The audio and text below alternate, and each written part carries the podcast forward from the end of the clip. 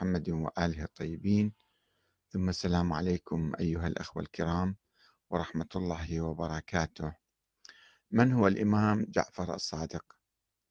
الحلقة الخامسة هل كان حديثه صعبا مستصعبا؟ تحدثنا في حلقات سابقة عن آه، هل كان الإمام آه، جعفر الصادق إماما معينا من قبل الله تعالى وهل كان حجة من الله؟ وهل كان محدثا ويعلم الغيب؟ وهل كان مفوضا في التشريع؟ أي له ولاية تشريعية؟ آه الآن الحلقة الخامسة آه تحت عنوان هل كان حديثه صعبا مستصعبا؟ ولدينا حلقتان أخريان. هما هل الولاء لأهل البيت ركن من أركان الإسلام. وهل كان الصادق يمارس التقية في الفتية والجرح والتعديل؟ هذه سبع مواضيع تقريبا بعضها متداخل وبعضها في أكثر من موضوع في الحقيقة. نحاول يعني آه، إزالة الحجب الغلو التي غلفها آه، غلف الغلاة بها الإمام الصادق. وأعطانا آه، صورة عن الإمام الصادق. صورة يعني بعيدة كل البعد عن الإسلام وعن العقل وعن العلم وعن الواقع. صورة مثالية أسطورية بأنه يعني بعضهم قال بأنه هو الله تعالى. أستغفر الله ربي إليك. وبعضهم تنزل مثل المفضلية آه، فقال أنه لا هو مو الله بس هو سكرتير الله. يعني هو يدير الكون يحيي ويرزق ويميت ويحاسب الناس وكذا. وأيضا هناك من تنزل أقل فقال لا هو عنده ولاية تشريعية وليس لديه ولاية تكوينية. المهم هناك نظريات عديدة تدعي أن, أن الإمام الصادق هو إمام معين من قبل الله وهو حجة من الله وهو فقط يفهم الدين وغيره بعد ما يفهم الدين. أه هؤلاء الغلاة بهذه الصورة المتطرفة الأسطورية عن الإمام الصادق يعني في الحقيقة يقسمون الأمة الإسلامية ويعزلون الشيعة عن بقية المسلمين ويعطوهم أداة لتكفيرهم. يعطون المسلمين السنة يعني أداة لتكفير الشيعة. هذا شنو نظرتكم؟ هاي حول الإمام الصادق نظرة مغالية جدا وإذا تؤمنون بهاي النظرات فأنتم يعني كفار مشركون تصبحون ولستوا ولستم مؤمنين. ولستم مسلمين. هذه أفكار ما يعرفها الإسلام ولا تنسجم مع القرآن الكريم. ف آه، الغلو هو سبب التفرقة الطائفية و يعني تمزيق الأمة الإسلامية. نحاول أن آه، يعني آه، نعثر على صورة معتدلة للإمام الصادق. طبعا كل كل هالصورة هذه موجودة في الكافي في كتاب الكليني الكافي. أحاديث كثيرة والحمد لله رب العالمين. يعني علماء الشيعة عبر التاريخ قاموا بإعادة النظر في هذه الأحاديث وتمحيصها. وحتى الأخباريين آه، مثل العلامة المجلسي ضعف أربعة أخماس الكافي وقال هذا أحاديث كلها ضعيفة. ما عدا 2000 حديث وهاي 2000 أيضا آه، علماء الشيعة مستمرين في آه، تنقيحها وتنقيتها وتهذيبها وتجذيبها فالمفروض أن لا نكون أخباريين أو نتبع الأخباريين وبالتالي نصدق بهاي الأخبار. لو صدقناها في الحقيقة لو صدقنا أن هاي الأخبار فعلا صادرة من الإمام الصادق أو الإمام الباقر يعني راح تتكون عندنا صورة أنه هذا إنسان دجال هذا إنسان مبتدع هذا إنسان ضال هذا إنسان مخرف هذا إنسان مغالي هو الإمام الصادق والعياذ بالله. ولكننا نعتقد أن كل هذه الأحاديث هي من وضع الغلاة. نسبوها للإمام الصادق.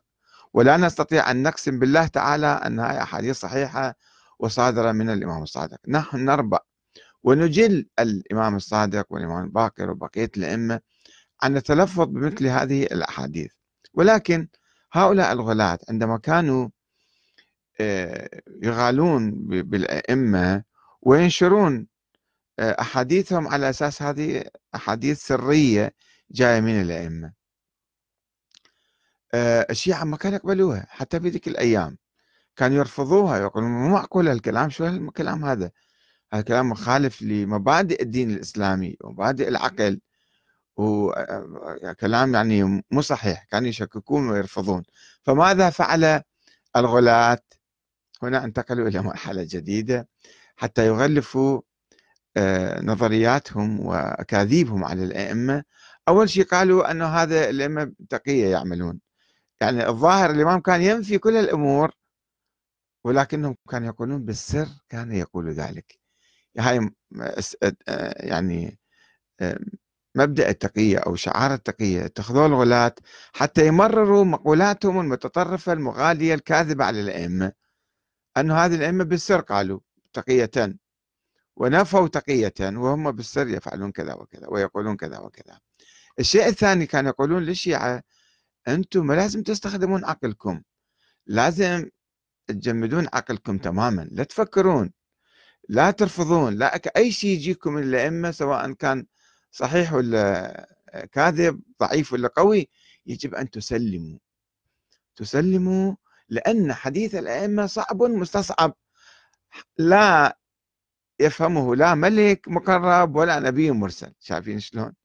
شنو هالدين اللي أو العقيدة هذه اللي ما يفهمها لا نبي مرسل ولا ملك مقرب؟ يعني كفر في كفر لأنها كفر في كفر وخرافات في خرافات. فطبعا لا الأنبياء ولا المرسلون يقبلون بهذه الحكايات. ولكنهم كانوا يقولون يخوفون الناس. أنه ليكن ترفضون هاي الأحاديث لازم تقبلوها. شلون ما صار لازم تقبلوها؟ حتى لو ما فهمتوها. حتى لو عقلكم ما تحملها. حتى لو كذا يجب أن تسلموا تسليما للأئمة. ومن هنا كانوا يقولون ويروون عن الإمام الصادق المصيبة. يروون عن الإمام الصادق أنه حديثنا صعب مستصعب بس نجيب لكم الروايات مالتهم.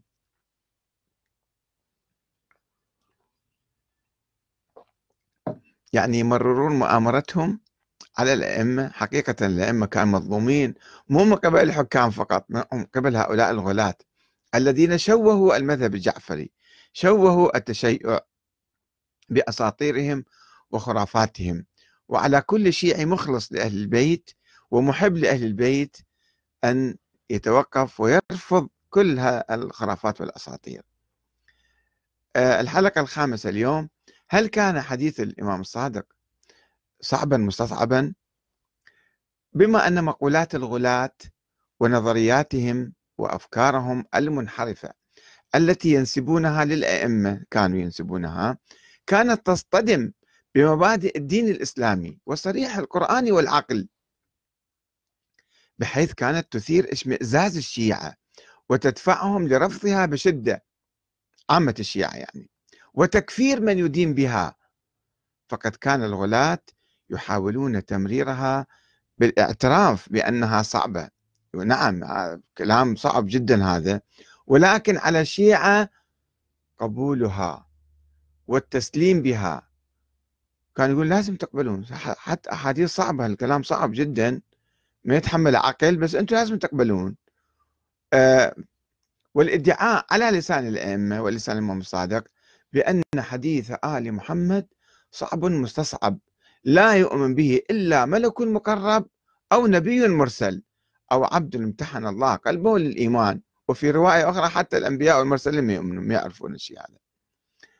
وكما نقل الغلاة عن الإمام باكر قوله والله شلون يدجنون الناس ويخضعوهم ويلغون عقلهم هاي المشكلة. أنه تجي أنت مثلا تسأل سؤال معقول وفي محله يقول لك لا لا لا تسأل. ما يجوز لك تسأل. فشوف الحديث اللي ينقلون عن الإمام باكر إذا صح الحديث فمصيبة. وإذا لم يصح فلا بد أن آه، يعني نرفض هذه الأحاديث. وهو غير صحيح طبعا في نظري. يقول الإمام باكر والله إن أحب أصحابي إلي أورعهم وأفقههم وأكتمهم لحديثنا. ما ينشر أحاديثنا مش نسمع من عندنا بيناتنا نحكي هالكلام. هو الدين الله جاب الناس مخصوصين جماعة صغيرة لعامة الناس. وأن أسوأهم عندي حالا وأمقتهم للذي إذا سمع الحديث ينسب إلينا ينسب إلينا. سمع من آخرين مو من عندنا أيضا. ينسب إلينا ويروى عنا فلم يقبله واشمأز منه وجحده وكفر من دان به. وهو لا يدري لعل الحديث من عندنا خرج وإلينا أسند فيكون بذلك خارجا عن ولايتنا. هذا كتاب الكليني الكافي كتاب الحجة باب فيما جاء أن حديثهم صعب مستصعب. حديث رقم واحد واثنين وثلاثة وأربعة وأحاديث كثيرة أخرى وبصائر الدرجات أيضا ينقل الشيء. آه، وفي باب الكتمان حديث من الكافي كتاب الإيمان والكفر حديث رقم سبعة. والصفار بصائر الدرجات الجزء العاشر باب 22 حديث رقم واحد. و يعني هذا يداولوه الغلاة كانوا الأحاديث. زين هذا الحديث اللي الإمام الباقر دا يقوله مثلا ينسب إليه. إذا إحنا صدقناه نسأله. إذا صدقنا الإمام الباقر قال هالكلام. نقول له يعني أنت شنو نبي وكيل نبي نائب نبي كيف يعني نصدقك أنت قاعد تتكلم في كلام غير معقول وغير مقبول ولا ينسجم مع القرآن فشلون نصدقك إحنا؟ و... يعني الناس كانوا يكفرون هذول الغلاة كانوا يجيبون أحاديث عجيبة غريبة الشيعة كانوا يكفروهم فكان وإذا الإمام الصادق الإمام الباقر قال فهو يكفر أيضا لأن الكلام مو معقول. وأعوذ بالله من ذلك وأربأوا بالإمام الباقر أو الصادق أن يقول هذه الأحاديث. لذلك شوفوا شلون يخلون الناس يعني يستسلمون. وهو لا يدري لعل الحديث من عندنا خرج. وإذا خرج من عندك أيضا نرفضه إحنا. إحنا مو مكلفين نأخذ كل حديث تقوله أنت. أنت راوي لأحاديث النبي نعم نأخذك الأحاديث المعقولة اللي مروية عن النبي. أما إذا تقول فد كلام غير معقول وغير مقبول فطبعا ما نقبل من عندك. فيكون بذلك خارجا عن ولايتنا. راح تروح الجنة بعدين أنت. مثل ما نقلوا هذا الحديث نقلوا أيضا عن الإمام الصادق. هذا حديث عن الإمام الباقر يروه وعن الإمام الصادق حديثا مشابها. يقول فيه إن علم العلماء صعب مستصعب. لا يحتمله إلا نبي مرسل أو ملك مقرب أو عبد امتحن الله قلبه للإيمان. أما عامة الناس عامة المسلمين ما حد يقدر يفتهم الإسلام. شنو حديث أهل البيت يختلف عن الإسلام؟ شنو عندهم دين جديد؟ عندهم مذهب جديد؟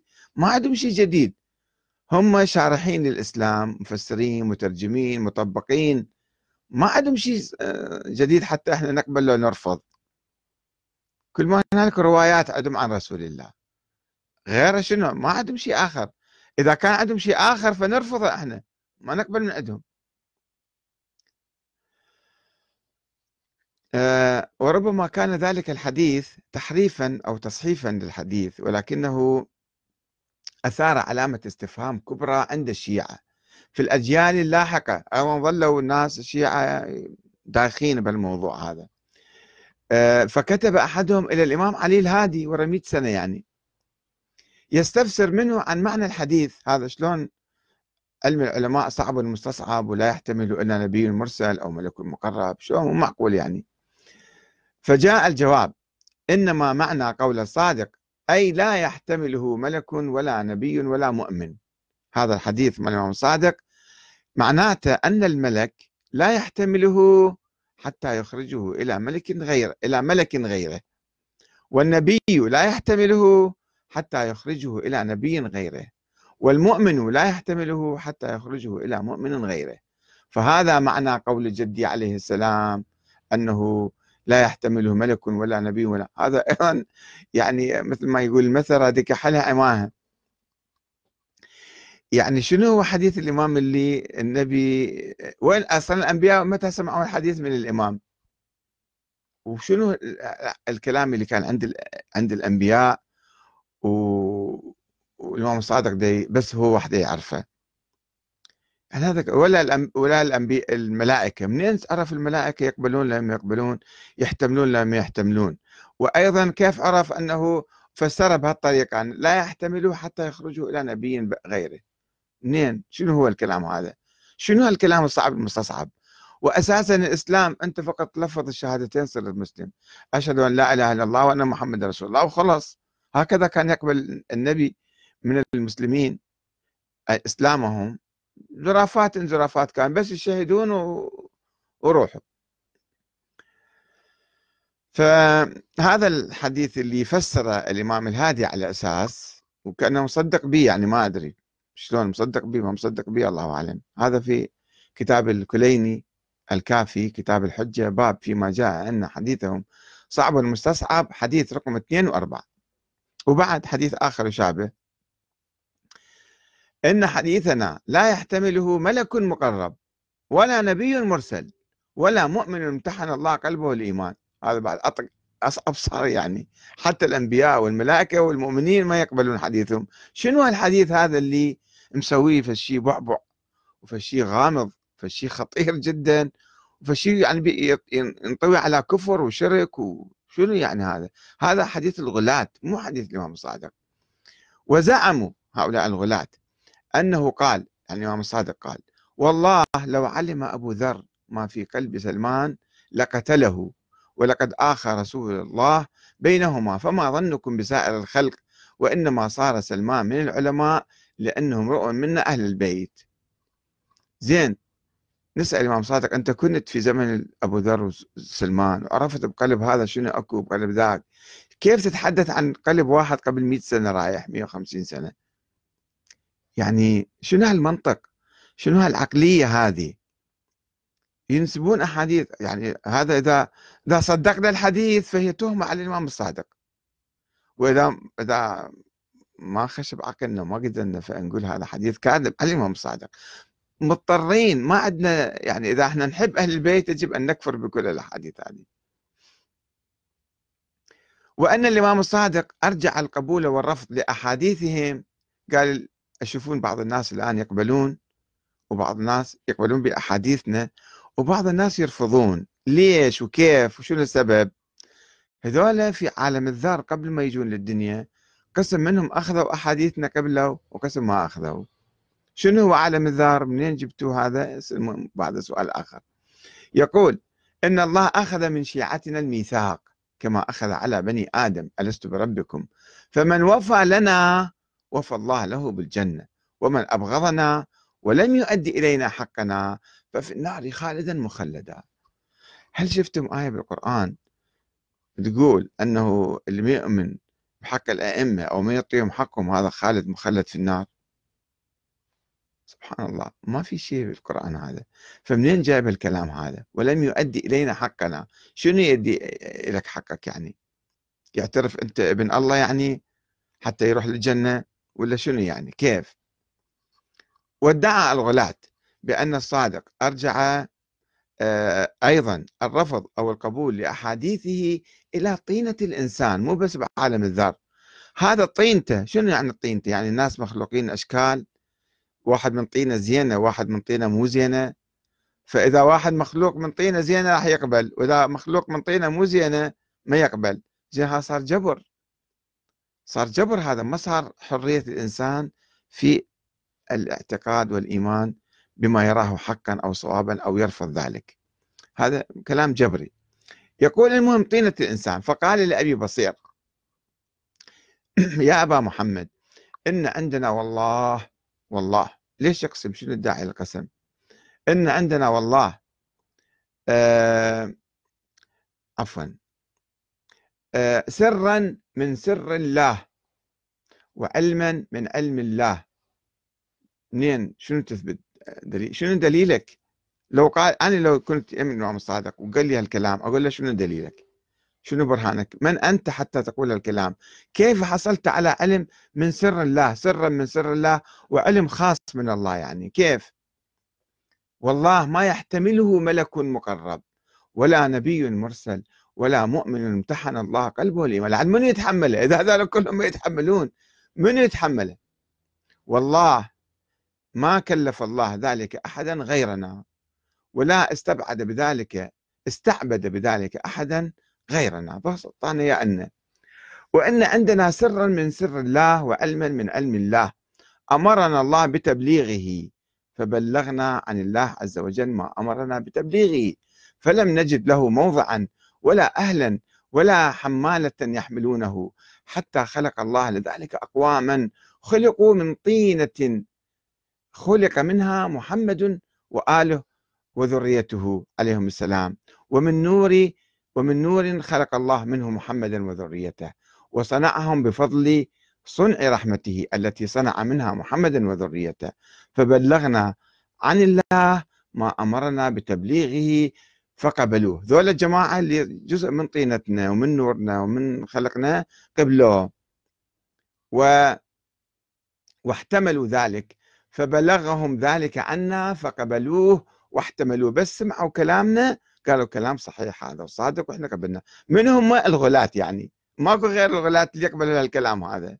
فصاروا الغلاة هم مخلوقين من طينة النبي. وأي واحد يرفض هذا من طينة مو زينة. اللي يقبل فأنت غصب عليك لازم تقبل. إذا تحب تكون طينتك من طينة أهل البيت من طينة النبي. فيجب أن تقبل بهذه الخرافات والأساطير.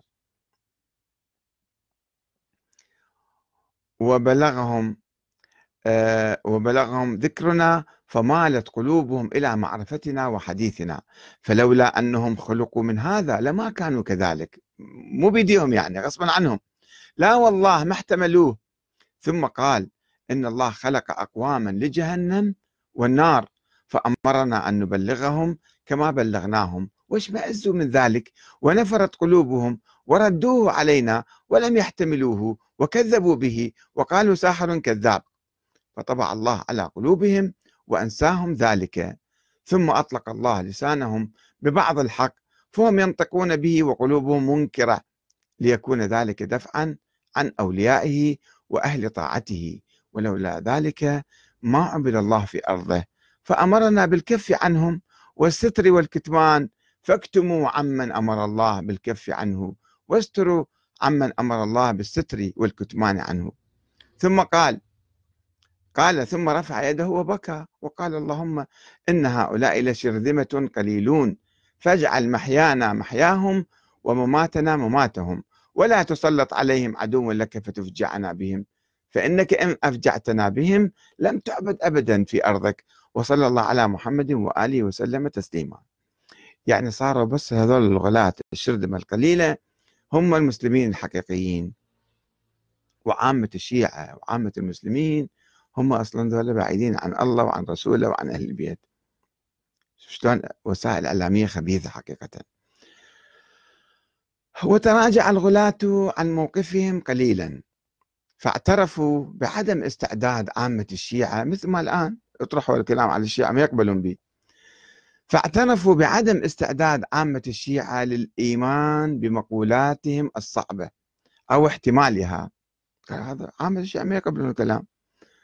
فادعوا بأن الشيعة ليسوا كلهم أهلا لها ولا موضعا للإيمان بها ما عدا بعض الأقوام الذين خلقوا من طينة من طينة خلق منها محمد وآله وذريته عليهم السلام ومن نور خلق الله منه محمدا وذريته فقبلوه. وحاول الغلاة إغراء بعض الشيعة للتسليم بكل ما يقولون حتى يحوزوا على فضل المشاركة في الخلق من طينة آل محمد. يفتخرون بذلك. كما تقول هذه الفقرة من الحديث. فلولا أنهم خلقوا من هذا لما كانوا كذلك. لا والله ما احتملوه. شوف شلون؟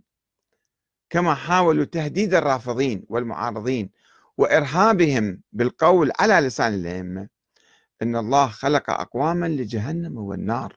فأمرنا أن نبلغهم كما بلغناهم واشمئزوا من ذلك ونفرت قلوبهم وردوه, وردوه علينا ولم يحتملوه وكذبوا به وقالوا ساحر كذاب.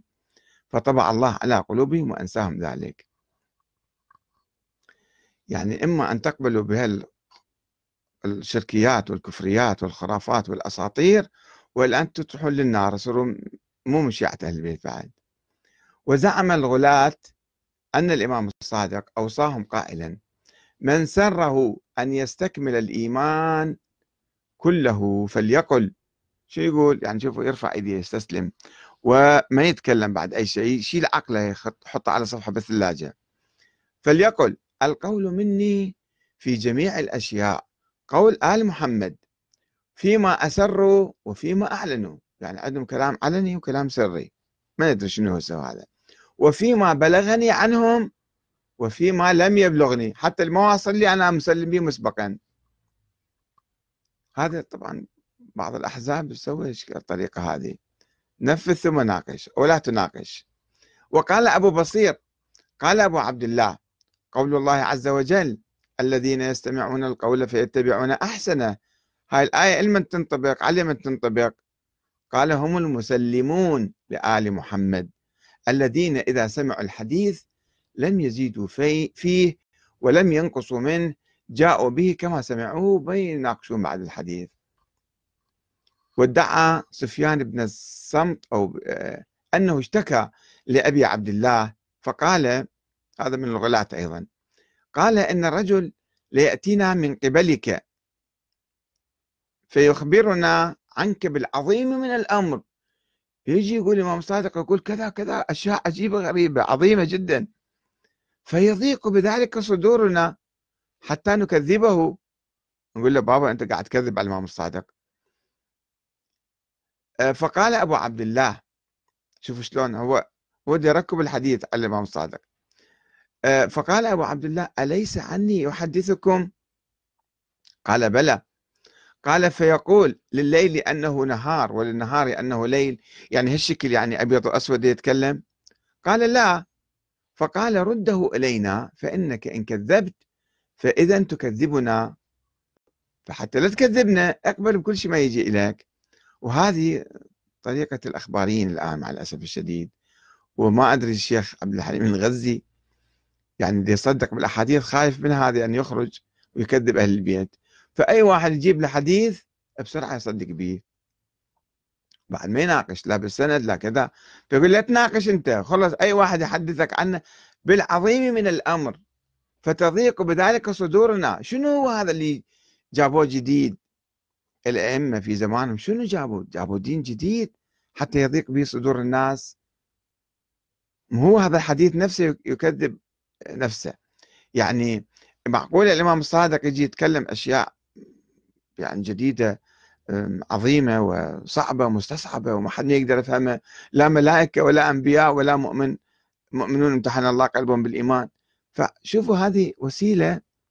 طبعا المصادر كلها الكافي كتاب الحجة باب ما جاء أن حديثهم صعب مستصعب حديث رقم اثنين وثلاثة وخمسة وباب التسليم وفضل المسلمين حديث رقم ستة وحديث رقم تسعة وبصائر الدرجات جزء عشرة باب 22 رقم ثلاثة. إحنا نحتاج في الحقيقة يعني علماء الشيعة الكرام المحققون قاموا بالتحقيق آه، في هذه الروايات في روايات الكافي ورفضوا أربعة أخماس الكافي أو تسعة أعشار الكافي ربما. حتى تسعة أعشار الكافي ما تكفي تسعة أعشار يعني أكثر هناك في الحقيقة. يجب آه، يعني مراجعة آه، هذا الكتاب وكتب التراث كلها وتصفيتها حتى آه، يعني نستفيد من أهل البيت. وإلا بهالطريقة إيش راح نستفيد؟ بس نؤمن أشياء عظيمة هم يخلقون ويرزقون ويحيون ويميتون وعندهم ولاية تشريعية وولاية تكوينية ثم ماذا بعدين؟ ما نحصل شيء إلا بعض الخرافات في رأسنا. فرؤوسنا تعفن من الخرافات والأساطير وبالتالي تتعقد حياتنا الاجتماعية والسياسية. حياتنا اليوم ونظل نظل ونتيه في الحياة. بدل ما نستفيد من تجارب أهل البيت الثورية والسياسية والمفعمة مشحونة بالعدل وروح الثورة على الظالمين إحنا نصير فقط نعتقد بعض الخرافات والأساطير ونحسب أنفسنا إحنا أتباع أهل البيت.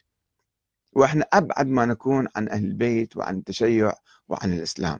فنحتاج إلى ثورة ثقافية يجب على الحوزة أن تقوم بها. ولكن مع الأسف الشديد الحوزة في واد والعالم في واد آخر.